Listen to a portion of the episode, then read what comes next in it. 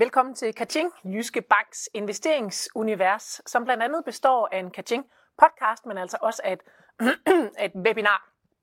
Det er det, vi har premiere på lige præcis nu, og ved min side, der skulle jeg have haft min medvært, øh, aktieeksperten Michelle Nørgaard. Det er tydeligt at se, at det ikke hende sidder her. Hun er desværre blevet syg, men øh, heldigvis så er der altså stærke kræfter, der står klar til at springe til. Og her er det Ib Fredslund, chef strateg i Jyske Bank, som en kompetent redningsmand i dag. Tak for det, Ib, og velkommen. Tak skal du have. Og så har vi altså også øh, besøg af Morten Indgaard, aktieanalytiker i Jyske Bank. Også velkommen til dig, Morten. Tak. I webinaret her, der er det dig, der ser med, der bestemmer indholdet i hvert fald til dels. Vi har et hovedtema for vores snak her, og så er det dig, der stiller spørgsmålene ind til eksperterne. Så øh, vil Cecilie herover, hej Cecilie. Hej. Vil øh, sørge for at få øh, spørgsmålene stillet videre til os. Øh, så kaster jeg endelig over tasterne, så vi kan få sat Cecilie i gang. Og det er altså op i højre hjørne, der hvor du kigger med nu, der kan du øh, øh, stille, stille dit spørgsmål. Overskriften for programmet i dag, det er årets første regnskabssæson, og den er vi faktisk i lige nu. Øh, og Ip, vil du ikke lige starte med at forklare lidt om, hvad en regnskabssæson er? Jo, det kan man sige, det er jo sådan lidt øh, nyheder øh, ned fra gulvet, kan vi sige. Vi er jo vant til at få økonomiske nøgletal, inflation og vækst, og det er selvfølgelig, når vi sådan kigger ovenfra på økonomien. Nu hopper vi altså ned på gulvet, og så spørger vi de enkelte virksomheder, jamen hvordan går det egentlig ud hos jer? øh, med jeres omsætning, med jeres salg og hvad er jeres forventninger til fremtiden. Og der går man igennem alle virksomheder fire gange om året, så at sige, hvis de har kvartalsregnskab, og så melder de ind, og så kan man jo så se, passer det med det, vi ser også ovenfra, eller er der nogle ting, der begynder måske at knage lidt, fordi nogle gange kan man måske se tendenserne først i nogle af virksomhedens regnskaber. Og øh, hvad kan man så som investor bruge de her regnskabssæsoner til? Jamen, man kan jo egentlig bruge det for ligesom at lave et tjek på, hvordan har økonomien det. Det kan man selvfølgelig gøre ved at følge nøgletal og, og se på, hvad centralbankerne gør, og finansministerne, og hvordan øh, inflationen og de her nøgletal, de klarer sig. Men en anden, et andet perspektiv, det er jo at kigge på, jamen, hvad siger virksomheden dernede? Er der nogen, der begynder at, at pive lidt, eller er de egentlig godt tilfredse? Og hvad for nogle sektorer ser ud til at klare sig bedre end andre? Så der kan man faktisk få en hel masse information, så at sige, ned fra gulvet for de enkelte virksomheder. Godt, så det er sådan et pejlemærke. Ja. ja. Hvis vi øh, ser lidt ud over vores, øh, vores lille land her, øh, så er den amerikanske regnskabssæson, den bliver afviklet før den den øh, heroppe i Norden. Ja. Øh, hvad, hvad kan vi egentlig bruge det til? Jamen det giver jo ligesom også netop den her, er der nogle signaler fra USA, som måske kan tænke sig at gå igen i den danske eller den nordiske regnskabssæson. Vi ved jo, at øh, USA det er det største aktiemarked i verden. Altså halvdelen af verdens aktier, det, det, de findes altså i USA. Så, så de tendenser, vi kan se i nogle af de amerikanske regnskaber, kunne man godt tænke, at de går igen i nogle af de danske regnskaber. Selvfølgelig kan der være selskabsspecifikke ting, men det er et godt pejlemærke til, hvordan regnskabssæsonen måske bliver i, i Norden også, hvordan det udvikler sig i, øh, i USA, og det er derfor, der selvfølgelig er også er, er fokus på USA. De har også de største selskaber i verden, så det er selvfølgelig også interessant at se, hvad, hvad, hvad, hvad, hvad sker der med dem. Men det er ikke en til en, vel? Det er ikke en til en, fordi som sagt, så er der noget selskabsspecifikt, som gør, at nogle selskaber, jamen de går bare mod strømmen, de følger ikke nødvendigvis øh, det, der sker i, øh, i USA. Og det er jo også sådan, at i USA, man starter faktisk med bankerne. Det er jo ikke sikkert, at man er nået til, vi ved, i Danmark, der er medicinalaktierne, de er ret vigtige. Det er jo ikke sikkert, at man er nået til alle de store medicinalselskaber, før vi begynder at gå i gang i, i Danmark heller. Er vi egentlig i gang i Danmark nu? Vi er i gang, ja. Vi har øh, fået de første regnskaber, så, så nu ruller det, og vi er også i gang i, i Europa, så der, der er gang i den. Og øh, som investor er der så nogle øh, do's and don'ts, man skal have sig for øje i forhold til det her med, øh, med regnskabssæsonerne? Ja, altså for det første, så skal man jo nok ikke lægge selvfølgelig alt for stor vægt på, på regnskabssæsonen. Det vigtige, det er selvfølgelig at finde nogle gode selskaber, der fundamentalt ser gode ud. Og det skulle de jo gerne være både før og efter regnskaberne. Det er sjældent, måske at regnskaberne kommer og stiller fundamentalt spørgsmål til, hov, det går der er pommeren til her i det her selskab. Det sker en gang imellem selvfølgelig, men, men normalt så skal man selvfølgelig gøre sit forarbejde og finde de gode, solide selskaber selskaber. Så skal man jo også kigge på, øh, det er ikke nok bare, hvad regnskabet er, det er også vigtigt, hvad siger selskaberne om fremtiden. Det er det, vi kalder guidance. Fordi det er jo egentlig i fremtiden, at den fremtidige indtjening skal findes, og det er det, som aktiekurserne også øh, afspejler i virkeligheden. Og så skal man heller ikke gå alt for højt op i det her med, at man slår forventningerne. Fordi det er, den, øh, det er sådan, at der kører sådan lidt et spil her.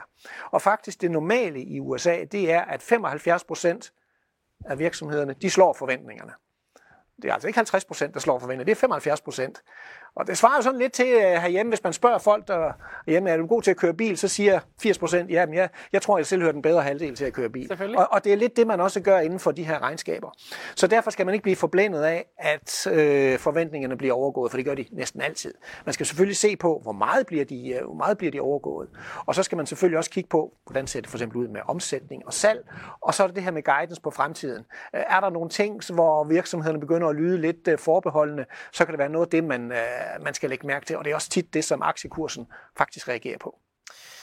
Så hvis nu du sådan skal øh, komme med sådan lidt overordnet blik på, øh, på sæsonen her, ja. hvilke forventninger på godt og ondt har du så, hvis vi øh, kigger på, er de amerikanske, de er så afviklet ja. på, de, på, på de danske her? Jamen, jeg tror egentlig, at øh, det godt kan blive en lidt udfordrende regnskabssæson. Øh, hvis vi kigger til USA, så har det faktisk været sådan lidt under, under middel. Øh, når vi ser på, hvor mange slår regnskaberne indtil videre, så er det kun sådan lige på, øh, på gennemsnittet. Når vi ser på, hvor mange slår det med hensyn til salget, altså omsætningen, så er vi altså nede på, på kun 50 procent. Og øh, jeg kunne godt tænke mig, at vi er jo i en situation, hvor vi heldigvis har inflationen på vej nedad, men det kan faktisk godt gøre, at nogle virksomheder, mange virksomheder kan have problemer med, øh, de skal stadigvæk måske betale høje priser for deres input, de får ind, men har vanskeligt ved at hæve prisen så meget, som de kunne gøre for halvanden år siden. Fordi os forbrugere, vi er altså blevet mere prisfølsomme. Vi sluger ikke alle af de her prisforhøjelser. Så jeg kan godt forestille mig, at der kunne komme lidt pres på, på virksomhederne, det man med et fint ord kalder på pricing power. Altså hvor let er det at hæve priserne, og så alligevel bevare efterspørgselen. Uh-huh. Der kunne jeg godt se, at der kunne komme problemer i regnskabssæsonen. Så jeg tror måske lidt, det bliver, hvis jeg sådan skal kigge overordnet på det, lidt måske en regnskabssæson øh, under middel. Uh-huh. Ja. Så hvad skal man så som investor lige have for øje der, i forhold til det, du siger? Jamen, øh, nu kan man selvfølgelig sige, øh, til vores kunder har vi jo allerede på forhånd egentlig øh, guidet dem lidt til at, at gå lidt mere defensivt, lidt mere forsigtigt. Også fordi vi jo for den økonomiske vækst, der ser vi nogle problemer, specielt i USA, når vi, når vi kigger en lille smule fremad. Og derfor har vi egentlig anbefalet til vores kunder at gå en lille smule mere forsigtigt i ens, øh, ens portefølje, ens aktieportefølje. Og det holder vi jo egentlig fast ved, at, at det er nok ikke sådan de mest vækstfølsomme aktier, man bare skal drøne ind i. Selvfølgelig kan der være gode enkeltselskaber, som kan være øh, gode at gå ind i, men overordnet set måske lidt mere til den forsigtige side. Mm. Godt, og hvis du øh, har et spørgsmål til den øh, kommende regnskabssæson, så øh, send dem gerne ind til os, så skal Cecilie nok se, om hun kan få fanget dem og stille dem videre her lidt senere i programmet. Sidst øh, vi mødtes for øh, 14 dage siden i podcast-udgaven af Katinka, der talte vi om situationen i øh, Suezkanalen. Og det er altså grunden til, at du er med os i dag, Morten, for du er senior aktieanalytiker og også fragtanalytiker her i Jyske Bank. Vil du ikke lige kort rise op, hvad er situationen i øh, Suezkanalen? Jamen, situationen er den, at, at fragtvolumen er faldet ret kraftigt. Øh, volumen er nede på under det halve af, hvad, hvad den plejer at være. Øh, og det skyldes jo, at vi i, øh, i Yemen har øh, de her Houthi-oprørere. Øh, der er jo borgerkrig i Yemen, og de har, de har været der længe, houthi men, men de er så begyndt at skyde på kommersielle og, og, og militære skibe, der sejler igennem, i, altså man ned fra Adenbugten og så op i det Røde Hav, eller, eller den anden vej. Og det, er, øhm, det påvirker volumen øh, rigtig meget. Så det er, det er det, vi ser. Vi ser, at fragtvolumen falder rigtig kraftigt. Ja, og så er vi jo selvfølgelig også interesseret i, hvordan det ser ud øh, her i Danmark. Øh, vores øh, helt store spiller i Danmark, det er jo mm. Mærsk. Øh, hvad har situationen i det Røde Hav øh, betydet for Mærsk? Jamen, det har betydet meget for alle rædderierne, fordi at øh, Mærsk skib er jo blevet ramt i, øh, dernede. Ikke, ikke fatalt, men, men, øh, men er blevet ramt af de her angreb fra, fra Houthier. Så det rædderierne har gjort, er jo, at de har valgt at sige, så må vi sejle den lange vej udenom Afrika, altså neden om øh, Kap det Gode Håb. Og, øh, og det, er, det er ligesom den måde, rædderierne kan, kan, kan, øh, kan omgå den øh, risiko, der er i, øh, i, i det her område. Og det er, altså, det er jo en dyr fornøjelse, altså, fordi det, for, det, er jo, det tager 10-15 dage længere at sejle udenom, uh, udenom Afrika. Og det har jo det koster jo, øh, hvad hedder det, både i brændstof og andre omkostninger, der er forbundet ja. med det. Så det, uh, ja. Og hvordan, men, men hvad så for, for Mærsk Aktien? Øh, hvordan bliver altså, den påvirket af det? Den måde, øh, hvad hedder det, Mærsk Aktien bliver påvirket, er, at, at når rædderierne er nødt til at sende deres skibe den lange vej udenom Afrika, så bliver den effektive kapacitet i markedet, den bliver mindre. Og det er jo simpelthen fordi, der er det samme antal skibe, men turen er bare længere. Så, vi, så, så er det sværere, eller det er ikke sværere, men det er um, antal container, man kan sejle, bliver, bliver mindre, så den effektive kapacitet bliver mindre i markedet. Den måde, øh, markedet så reagerer på, det er, at, at fragtraterne stiger, og det er det, vi har, det, vi har set. Øh, både øh, det, der hedder spotraterne, det er, hvis du skal have en container afsted med det samme, og, og kontraktraterne, hvis du har en, en længere løbende aftale med, med rædderierne. Begge dele er steget, og det er, øh, det, det, det er godt for Mærsk. Altså, eller, det er, de skal jo stige, fordi omkostningerne ved at sejle udenom er der. Så på den måde er, er der en del af den stigning, vi har set i fragtraterne, som afspejler de øgede omkostninger, rædderierne har. Men fragtraterne er steget markant mere, end, end, øh, end, end det kan forsvare. Og, og det er jo så fordi, den effektive kapacitet er blevet mindre. Så altså, vi er blevet lidt mere desperate for at få vores uh, ting hjem. Så egentlig er det ikke nogen dårlig ting for, øh, for Mærsk? Slet ikke. Nej. Og det er lidt specielt, ikke, at, at man kan have et, et selskab, hvor, øh, hvor, et, en, en, hvor et skib bliver ramt af et missil, og så stiger aktiekursen på det. Det er ikke så tit, det sker, men, men det var så tilfældet her. Jeg håber ikke, det er noget, vi sådan skal til at afprøve rigtig mange gange. Nej, forhåbentlig ikke. Men øh, endelig så er det jo øh, hos øh, forbrugerne tit, øh, dem, altså man virkelig vil, kan mær- kunne mærke, hvad er det, der sker rundt omkring i verden. Og, og, øh, og sådan er det måske også med den her situation. I 2021, der løb hele verden tør for dimser og dutter og ting og sager. Øh, også på grund af den her Suezkanal. En anden situation godt nok, men, øh, men alligevel. Øh, hvordan vil forbrugerne så opleve det den her gang? Altså, der, der vil jo komme nogle, øh, nogle stigninger. Det, det kan man ikke rigtig undgå. Om forbrugerne lægger mærke til det, er nok mere spørgsmålet, fordi øh, vi har, de stigninger, vi har set indtil videre, er stadigvæk relativt små i forhold til det, vi så under, under corona.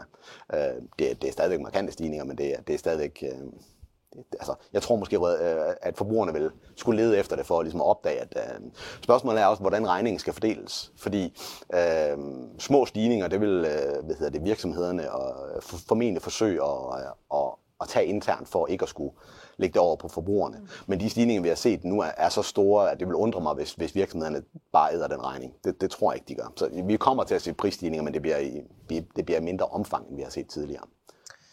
Godt. Øhm, Ibe, hvis, øh, hvis vi lige skal kigge på andre sektorer i forbindelse med det her, hvordan kommer, kom, kommer det her egentlig til at påvirke andre sektorer, hvis overhovedet det gør det? Ja, og, og det er jo rigtigt, altså som du siger, under, under corona, der havde, vi, der havde vi noget lignende, men, men, men det der er måske den store forskel er under corona, når vi havde altså været på vores online arbejde, jamen så sad vi og købte varer over nettet. Det vil sige, at vi efterspurgte rigtig mange varer. Det gør vi jo ikke så meget mere. Gør vi ikke? Nej, det gør vi altså ikke. Oh. Vi har fået vores fladskærmer, vores møbler, vores ting og sager. I hvert fald mange af os, ikke? øhm, nu er det serviceydelser. Vi vil på ferie, vi vil ud og spise, vi vil have oplevelser. Og, og de bliver jo ikke sejlet med, med Mærsk fra Asien. Det, det går vi jo bare ud og gør. Så derfor tror jeg ikke, der får den, vi får den helt samme effekt. Men når du så spørger, er der nogle ting, man kan mærke? Jamen, vi har måske hørt om, eller måske har hørt om, at Tesla har indstillet produktionen i 14 dage for eksempel, ja. fordi de mangler nogle, nogle, øh, kan man sige, nogle komponenter, som skal blive sejlet. Men det er jo en forsinkelse, fordi vi kan jo godt få det frem. Og det er jo en anden ting. Vi har jo ikke smittebølger i Kina og andre steder, Nej. som vi også havde før. Så tingene bliver lavet, tingene er klar, ah, det tager lige 14 dage ekstra at få dem øh, hen til, øh, til produktionen. Så, så det er mere et, et spørgsmål om en forsinkelse i virkeligheden. Ja. Og også en anden ting, vi, vi kan se på, når vi kigger på inflationen. Fordi vi, det var jo en af årsagen til, at vi fik høj inflation. Der var ret mange andre årsager. Men øh, der har vi jo en situation, hvor, hvor dels er efterspørgselen ikke så, så lav, og hvad kan man sige, øh, kapaciteten til at fragte er jo også meget bedre, end den var under, under smitten, hvor vi ikke kunne få losset, og, og der var mangel på det hele. Øh, og, og i øvrigt, de fragtretter, som, som, som steg meget voldsomt der under, under corona, også da der var et skib, der satte sig fast, øh, de gav faktisk kun en meget lille stigning i den, i den globale inflation. Så jeg tror ikke, at vi får den her sådan kæmpe inflationær effekt. Det tror jeg ikke er det, vi skal forvente, også fordi, kan man sige, fragtomkostninger kun udgør en lille del af en vares pris uh, ultimativt. Så langt, så godt. Ja. Det er da betryggende at høre. Øhm, jeg synes, vi skal tage fat i nogle af de seers spørgsmål, der er kommet ind over ved dig, Cecilie. Ja. Hvad har du kigget på? Jamen, øh, I har været søde til at skrive, øh, mange af jer, og, øh, og gør det stadigvæk. Så det er rigtig godt. Øh, lad os prøve at sende noget videre i jeres retning. der er en, der hedder Kai, som har spurgt, hvad er jeres vurdering vedrørende den baserende uro i verden? Bør man ligefrem sælge aktierne? Ja, altså det er selvfølgelig klart, øh, der er mange dårlige nyheder, men det er der, det er der som regel, fordi øh, det, det, er det, der, det er det, der sælger derude. Typisk så ser man jo, at de her som vi med et fint ord kalder geopolitiske begivenheder, om det nu er militære konflikter, eller det er på anden måde nogle, nogle, nogle problemer derude, de er typisk af midlertidig karakter. Og de finansielle markeder, ja, de lægger selvfølgelig mærke til dem. Og, og, og så laver de finansielle markeder sådan en slags øh, tjek på dem. De stiller egentlig tre spørgsmål. For det første, er det her noget, der kan påvirke øh, råvareleveringen, oliepriser, og andre ting og sager? Øh, der kan man selvfølgelig sige, øh, i Gaza og Israel, det er ikke olieproducerende lande. Øh, så spørger de, er, er det et stort økonomisk område, der er ramt af det her?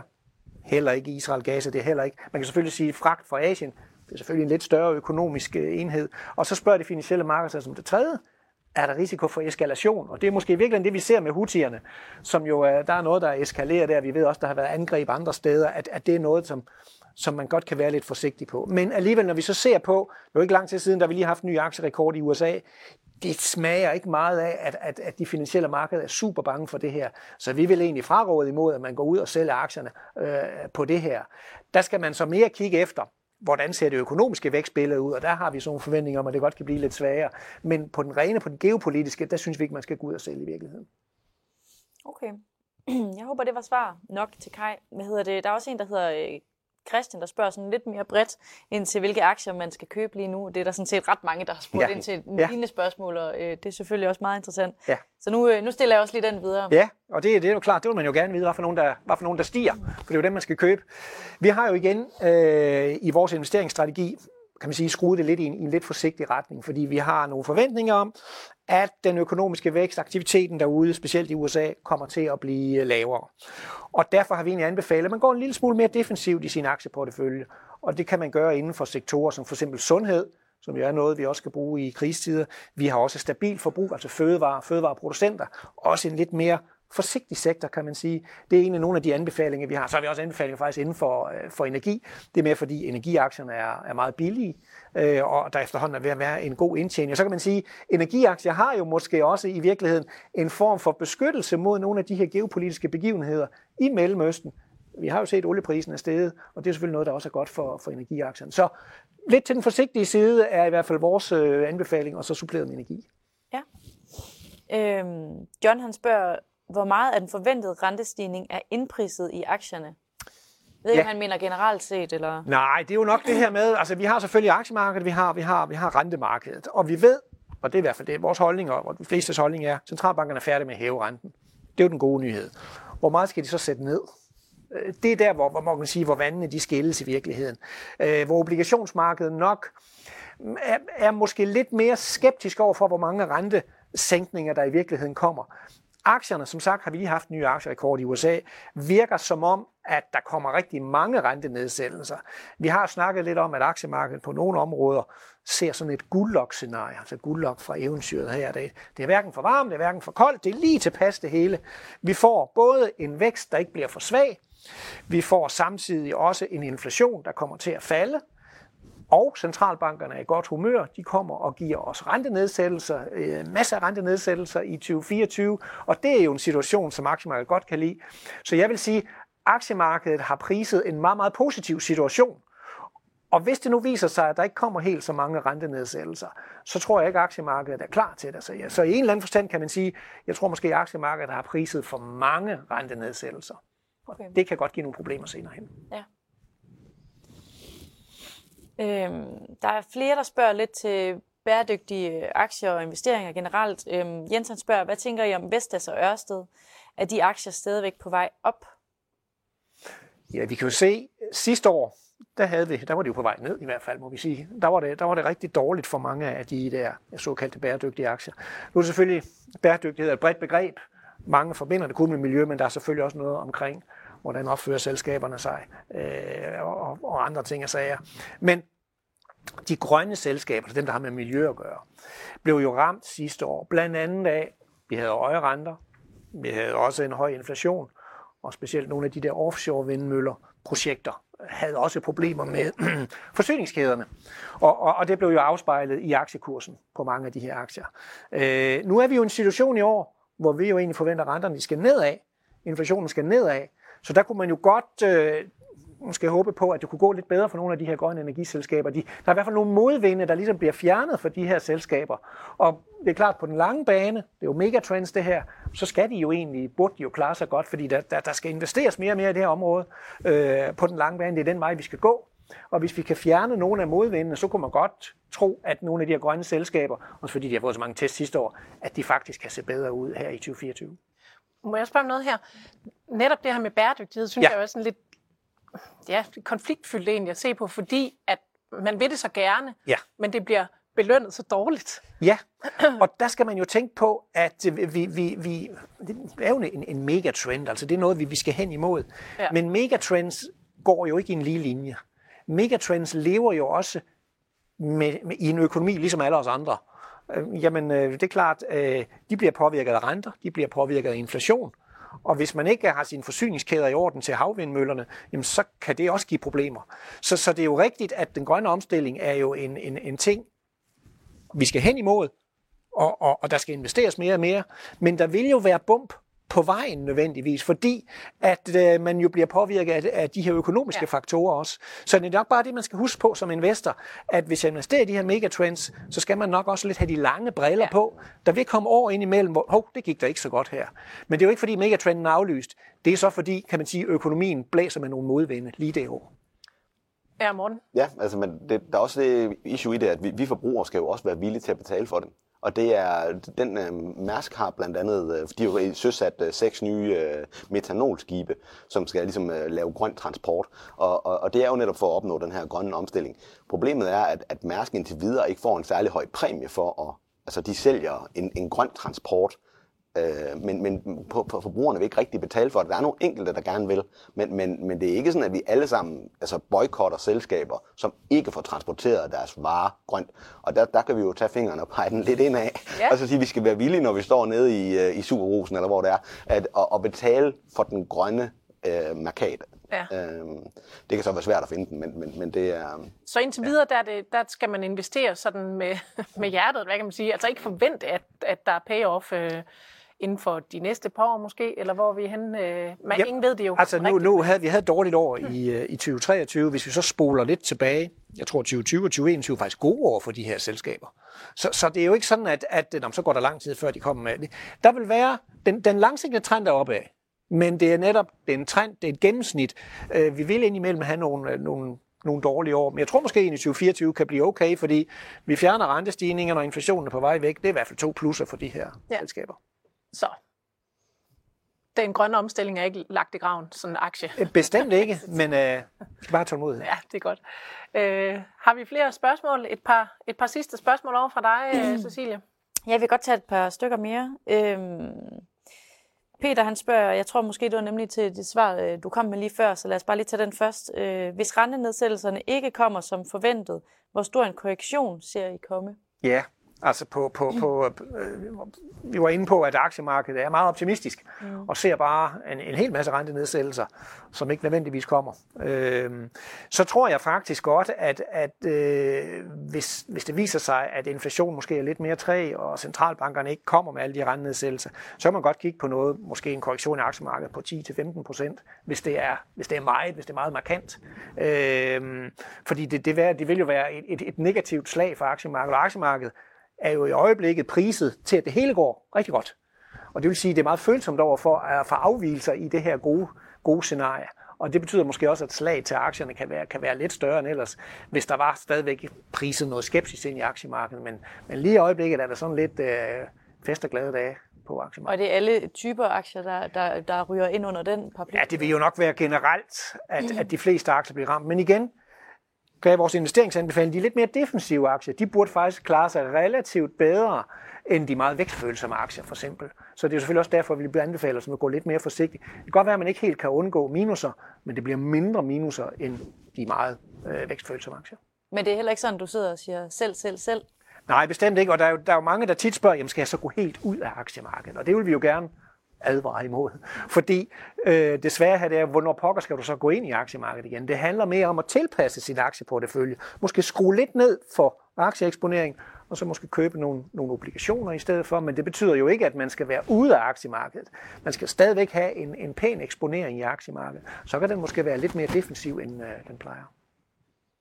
Et sidste spørgsmål, Cecilie. En sidste en, yes.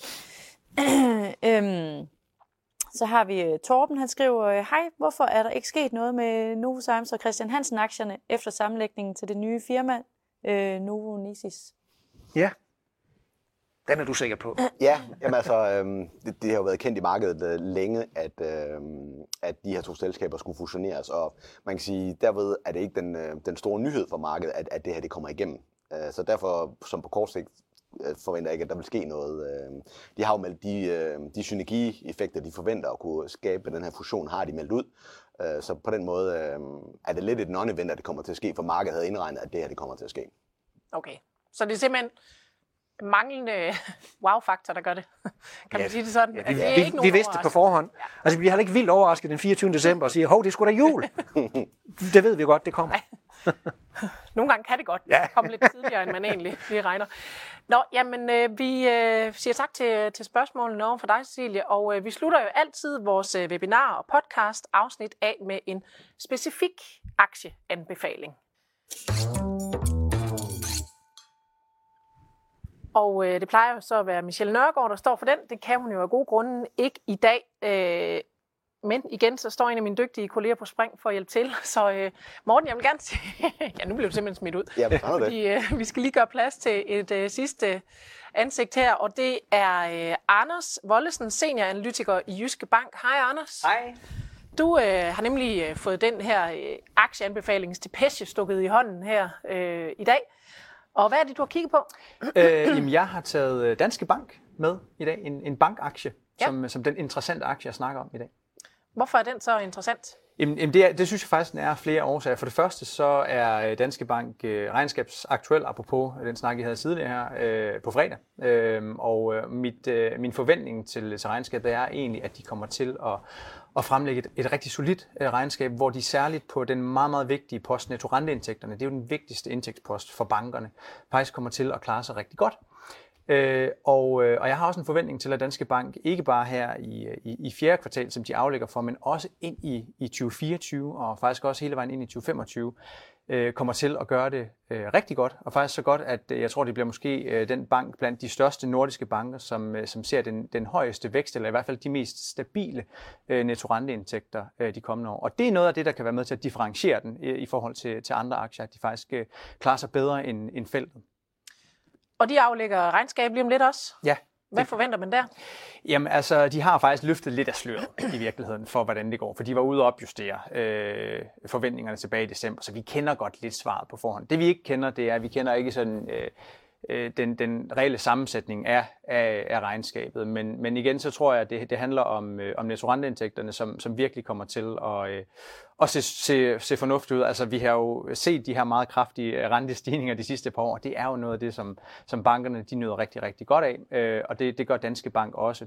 Men det, der er lidt specielt ved, ved Danske Bank, hvis jeg lige skal blive ved de her nettorenteindtægter, det er jo, at øh, Danske Bank har faktisk sådan lidt, lidt frivilligt måske i virkeligheden øh, skruet sin forretning sammen, sådan at når renterne de stiger meget, hvilket har været tilfældet de seneste øh, par år, øh, så, så giver Danske Bank faktisk en lille smule afkast på nogle af de nettorenteindtægter, man ellers skulle have fået, hvor vi ser andre banker, som, som hvor vi ser renteindtægterne bare banker op øh, med det samme, når, når markedsrenterne stiger. Det har ikke helt været tilfældet for Danske Bank, men det, det positive ved det er så, at den stigning, som Danske Bank så øh, ser i nettorenteindtægterne, den var faktisk ved i længere tid, og derfor så kommer vi til at se sådan mere positivt momentum i, i, i, i indtjeningen øh, for, for Danske Bank relativt til, til de andre banker i Så deres 24 og udsving er 25. ikke lige så store. Nej, de, lige præcis, lige præcis. De mennesker faktisk udsvingene og gør det hele lidt mere stabilt og lidt mere sådan øh, overskueligt på, på længere sigt også.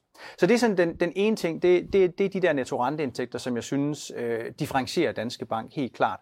Øh, og så øh, en anden, og også en vigtig ting, når vi kigger aktier og, og aktieanbefalinger, det er, hvordan ser værdiansættelsen ud af, af selskaberne. Og der ser Danske Bank igen også øh, øh, ret, øh, hvad kan vi kalde det, øh, billigt øh, prisfastsat øh, ud. Man kan kigge på, på forskellige sådan, multipler øh, og metrikker og, og opgøre det på. Men egentlig, hvis man bare kigger på, hvad er, hvad er værdien af, af Danske Banks øh, aktier, målt op imod, hvad de egentlig selv har bogført, at de burde være værd, så er den øh, værdi altså faktisk under 1. Øh, det vil sige, at markedet øh, betaler faktisk mindre for det, som Danske Bank har liggende på, på balancen i øjeblikket.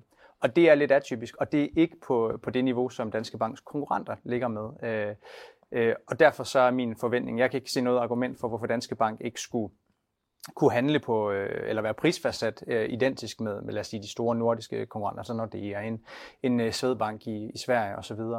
Øhm, så derfor så har jeg en forventning om, at, at banken også i løbet af 24 kommer til faktisk at blive repriset, øh, sådan, sådan den kommer til at, at handle på samme multipler som, som de nordiske konkurrenter. Og, og med det mener jeg altså, at aktiekursen kommer til øh, at stige. Det er ligesom den eneste vej, der er, der er for det. Øhm, og det er der igen forskellige argumenter for, hvorfor ikke. Men jeg tror måske i virkeligheden, det vigtigste det er det der med, at risikoen med Danske Bank er lidt aftaget efter Estland-sagen er blevet afsluttet. Det er et kæmpe kapitel, de har fået afsluttet der. Nu er det egentlig bare en, i så en helt normal bank, der bare skal drive forretningen og prøve at få nogle kunder ind i bæksen igen, og, øh, og det tror jeg faktisk, de kommer til at lykkes ret fint med øh, de, de kommende år. Så lige et sidste spørgsmål her. Nu, øh, nu kan det være, at nogle af vores seere øh, sidder og, og gerne vil, vil smide nogle penge efter din anbefaling. Øh, er det så nu, man skal gøre det, eller efter regnskabet? Øh, Jamen, lad os sige nu. Kom i gang. Øh, jeg, jeg tror ikke, regnskabet bliver så den helt store uh, trigger eller, eller differentiator i, i forhold til investeringscasen. Så, uh, og, og, og tilbage til det her med, at værdiansættelsen er lav. Uh, I øjeblikket, i min optik, så kan man lige så godt købe uh, i dag, i stedet for at, at vente til i morgen. Det, det er der ikke noget, nogen god grund ja. til. Jamen smukt. Tak fordi du lige ville springe til med den her. Og hvis du læser mere om den her og tidligere anbefalinger, så kan du finde mere inde på jyskbank.dk-kaching. Og dermed så kom vi jo altså hele vejen rundt om øh, Suezkanalen og øh, hjem igen. Og øh, Morten, Ib og Anders, tak for besøget og tak for assistancen til dig, Cecilie. Man kan jo roligt sige, at jeg havde jo nok ikke klaret den, uden jer i hvert fald.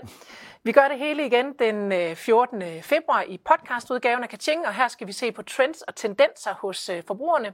Og det bliver altså sammen med Julie Daggaard, der er forbrugerekspert og rådgiver inden for kommunikation og marketing hos Dentsu.